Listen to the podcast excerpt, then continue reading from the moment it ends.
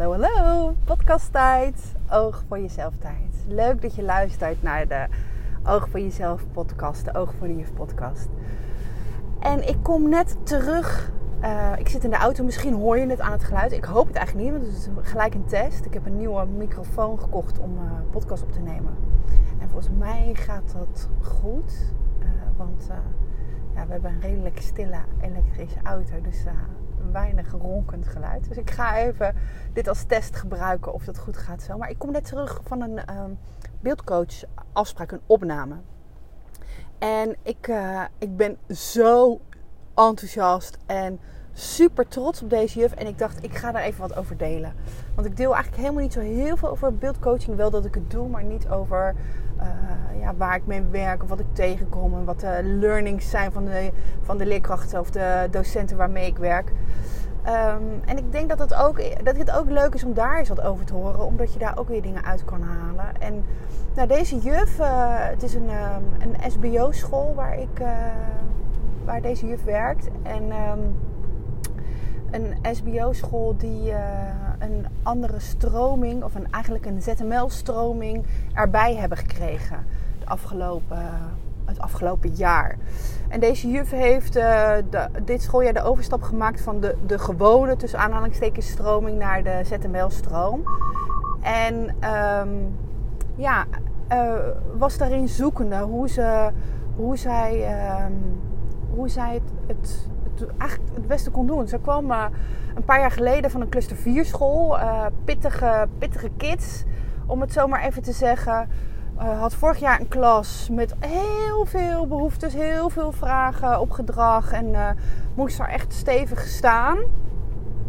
En deze kinderen vragen weer wat anders. En daar was, was heel erg in zoekende. Deze kinderen hebben een groep 3 niveau. Dus ook, ook qua leeftijd al jonger dan waar ze eerder mee gewerkt had, maar ook qua instructieniveau en ja, lesniveau.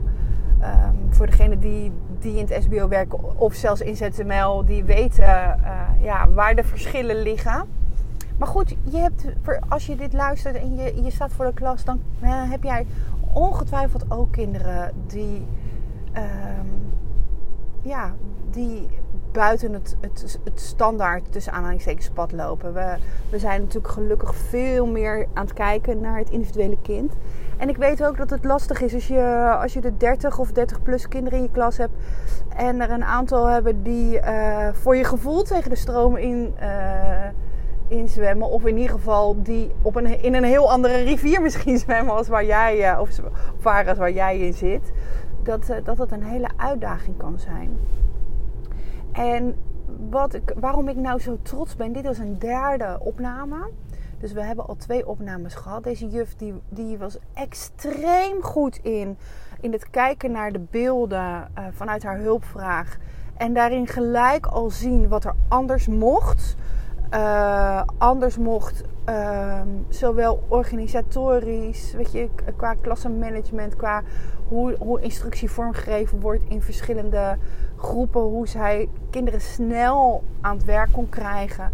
Um, en, en het helpt ons zo om te kijken naar beeld en, uh, en om jou, ja, je reflectieve vermogen aan te zetten. En dat wordt echt makkelijker als je dat via beeld doet. En beeld is vaak, veel, veel mensen vinden het spannend en dat snap ik. Want ik, toen ik de opleiding deed voor beeldcoaching, heb ik mezelf heel vaak moeten filmen. Ook in gesprekken. En ik weet hoe ongemakkelijk dat kan voelen. Om, uh, we zijn in deze tijd best wel veel gewend om onszelf te zien. Sowieso op foto's natuurlijk. Er wordt steeds meer uh, gedeeld, ook op social media.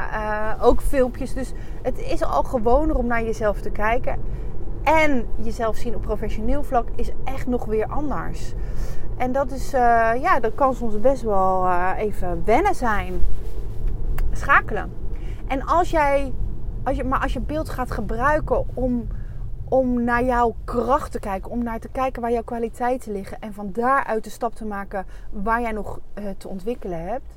En of dat nou is op het gebied van, van, van klassenmanagement, van organisatie, of dat nou pedagogisch didactisch is, of dat op het gebied is van interactie met kinderen. Hoe bereik je ze? Wie, wie, wie krijg ik mee? Wie blijft erachter? ehm, ja, het is zo interessant om daarnaar, om daarnaar te kijken. Want je kan zoveel halen uit beeld. Uit stilstaand beeld al, maar uit bewegend beeld nog veel meer. En, en dat was eigenlijk ook zo leuk bij deze juf, omdat ze, uh, als, uh, als ik een, een beeldcoach traject doe, dan, um, uh, dan, dan is een standaard traject is drie opna een intakegesprek, drie opnames en drie nagesprekken.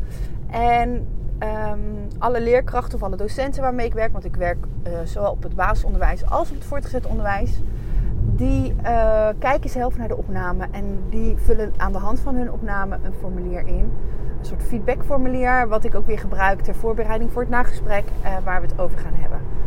En deze juf was zo reflectief al in haar formulieren. Dat was heel fijn, want ze haalde, ze haalde daardoor al, al er heel snel uit wat er anders mocht. En waardoor het makkelijker kon.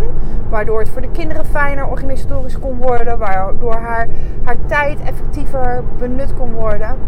En daarna stond ze ook heel erg open voor tips. En dat is niet iets wat, wat eigenlijk standaard hoort bij een beeldcoach traject. Beeldcoaching is, uh, is voornamelijk kijken naar beelden, kijken naar kracht, kijken naar kwaliteit en hoe kan je die inzetten nog op andere momenten.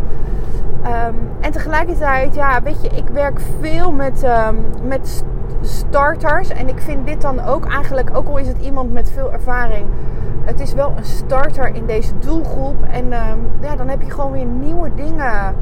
Uh, heb, je, heb, heb je zoveel blinde vlekken nog? Of, of, of, of ook gewoon je rugzak te vullen. Zo ben ik ook op het moment uh, net, eigenlijk net gestart op een VMBO.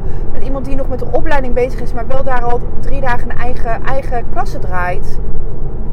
En uh, ja, zo iemand, zo'n docent heeft gewoon uh, de rugzak te vullen. En dan kan het ook heel helpend zijn om gewoon eens tips te krijgen.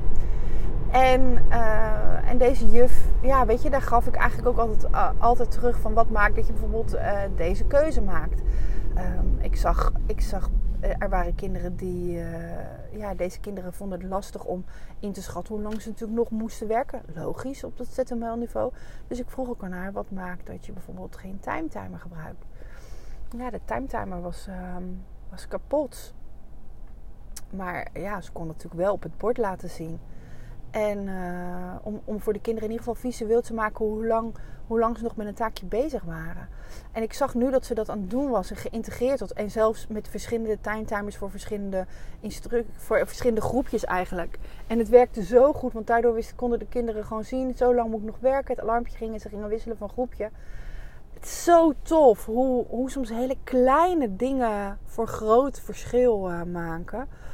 En ja, als ik nou uh, tot nu toe het belangrijkste uit dit traject haal, dan zijn het wel eigenlijk de, de praktische dingen die, die voor deze juf uh, heel helpend zijn geweest. Um, en ik ben benieuwd, als jij nou kijkt naar jouw um, klassenmanagement, of ja, eigenlijk naar je organisatie, laat ik het daar even op houden. Ja, organisatie, als jij bijvoorbeeld instructie geeft, en hoe doe jij dat dan met betrekking tot schriften uitdelen of tot aan het werk gaan? Um, wat is een moment dat kinderen nog vragen aan je kunnen stellen? Wanneer loop jij een rondje bijvoorbeeld als ze aan het werk zijn? Of blijf je bij je instructiegroep? Ga er eens over nadenken. Kijk eens van waar, waar zit er voor mij en dus voor mijn klas nog winst? Want uh, we kunnen vaak daar echt nog wel weer stappen in maken. En, en, en het is gewoon heel fijn om, om eens te kijken van uh, ja, hoe, hoe je. Uh, hoe je bijvoorbeeld je, hoe het starten van het werk, of, of misschien juist het opruimen, kan versnellen of kan vergemakkelijken. Of, of er het zo manier kan doen dat, dat je daarna weer op een prettige manier door kan met je volgende les. Of wat, wat, hebben, wat hebben de kinderen nodig? Wat geven ze aan je? Zijn ze onrustig? Dan heb jij daar wat anders in te doen. Jij bent namelijk als leerkracht, als docent, altijd uh, in charge. Jij hebt de regie. Jij, ben, jij, jij staat letterlijk aan de aan het roer uh, van jouw klas. En, en, en de kinderen zijn een spiegel van jou. Doen zij dingen die jij niet fijn vindt, of waar je wat niet soepel loopt, dan heb jij wat te veranderen. En over het algemeen vind ik, zie ik, dat, er, dat daar nog wel wat mag gebeuren. Dat, ehm, dat er nog wel genoeg leraren zijn die, die het dan bij het kind leggen. Ja, nou, hij doet niet mee, uh, dit en dat. Uh, of op het gedrag van het kind. En ja, er zal zeker ook iets bij het kind zijn, bij de leerling zijn. En ga kijken wat jij anders kan doen. Want als een kind bepaald gedrag laat zien, en dat kan zijn uh, niet luisteren, dat kan zijn ergens doorheen kletsen, uh, contact zoeken met andere kinderen, uh, juist dromerig naar buiten kijken, um, nou ja, niet aan het werk gaan, treuzelen, naar de wc willen, terwijl het misschien net geweest is. Dan er zit altijd een vraag, een behoefte achter dat gedrag. En wat heb jij te doen om daarop in te spelen? Heb je, het, meer te, heb je het kind meer te prikkelen? Heb je het uitdagender te maken? Heb je het sneller aan, aan het werk mogen laten gaan omdat het zich verveelt? Heeft het juist nog extra uitleg nodig? Heeft het kaders nodig? Heeft het, heeft het nodig dat jij aangeeft tot zover werken we en als je dan klaar bent kom je weer bij me langs? Omdat het anders niet tot werken komt. Ga eens kijken wat jij, wat jij kan doen. En misschien is het mooi om, om, als je mij nu hoort, om de start van je les dit keer te nemen wat kan jij in de start van je les uh, doen als je naar jouw klas kijkt en naar wat kinderen aan jou teruggeven daarin? En uh, nou, ik weet, er is geen standaard iets, want het heeft ook te maken natuurlijk met, met um, ja, hoe jij in je vel zit, hoe, je, hoe, hoe, jij, uh, welke, welke les je draait. En, en ook daar kan dus een verschil in zitten. Hè? Want doe jij een les waar jij niet zo'n fan van bent, dan heeft dat dus al effect op hoe jouw klas waarschijnlijk meedoet. Omdat dat al iets over jouw energie zegt. En ik wil eigenlijk echt dat jij bedenkt dat jij op zoveel meer invloed hebt dan je denkt. Jij bepaalt eigenlijk als leerkracht, als leraar, als docent alles. Dus, nou, ik ben benieuwd. Ik, uh, ik hoop dat het een beetje uh, ja, dat je er wat mee kan als je me zo hoort. Ik heb er nog niet eerder op deze manier over gesproken. En ik merk wel, ik, ik, ja, ik was ook een beetje zoekende. Ik ben misschien soms een beetje vaag gebleven. Maar ik wil ook eigenlijk dat voor de, de waar ik gewerkt heb, uh, daar niet te veel op ingaan. Maar misschien kan ik dat. Nou, ik ben een beetje hard op aan het denken. Misschien kan ik dat voor een volgende keer nog wel anders doen. Ik. Um, ik zou het leuk vinden om, uh, om te horen of je het leuk vindt om hier wat meer over te horen. Of je meer daar tips in wil. Of uh, ja, uh, bepaalde dingen die je, waar je zelf tegenaan loopt, gespiegeld wil hebben. En dan kan ik voorbeeldjes meenemen uit, uit wat ik zie als ik in de groepen ben. Lijkt me leuk om van je te horen. En ehm, nou ja, in ieder geval mooi dat je dit momentje weer hebt gegeven. Ik ben bijna thuis. En um, ik denk ook een mooi moment om deze podcast af te ronden. Uh, een hele fijne dag verder. En tot de volgende keer maar weer. Doei doei!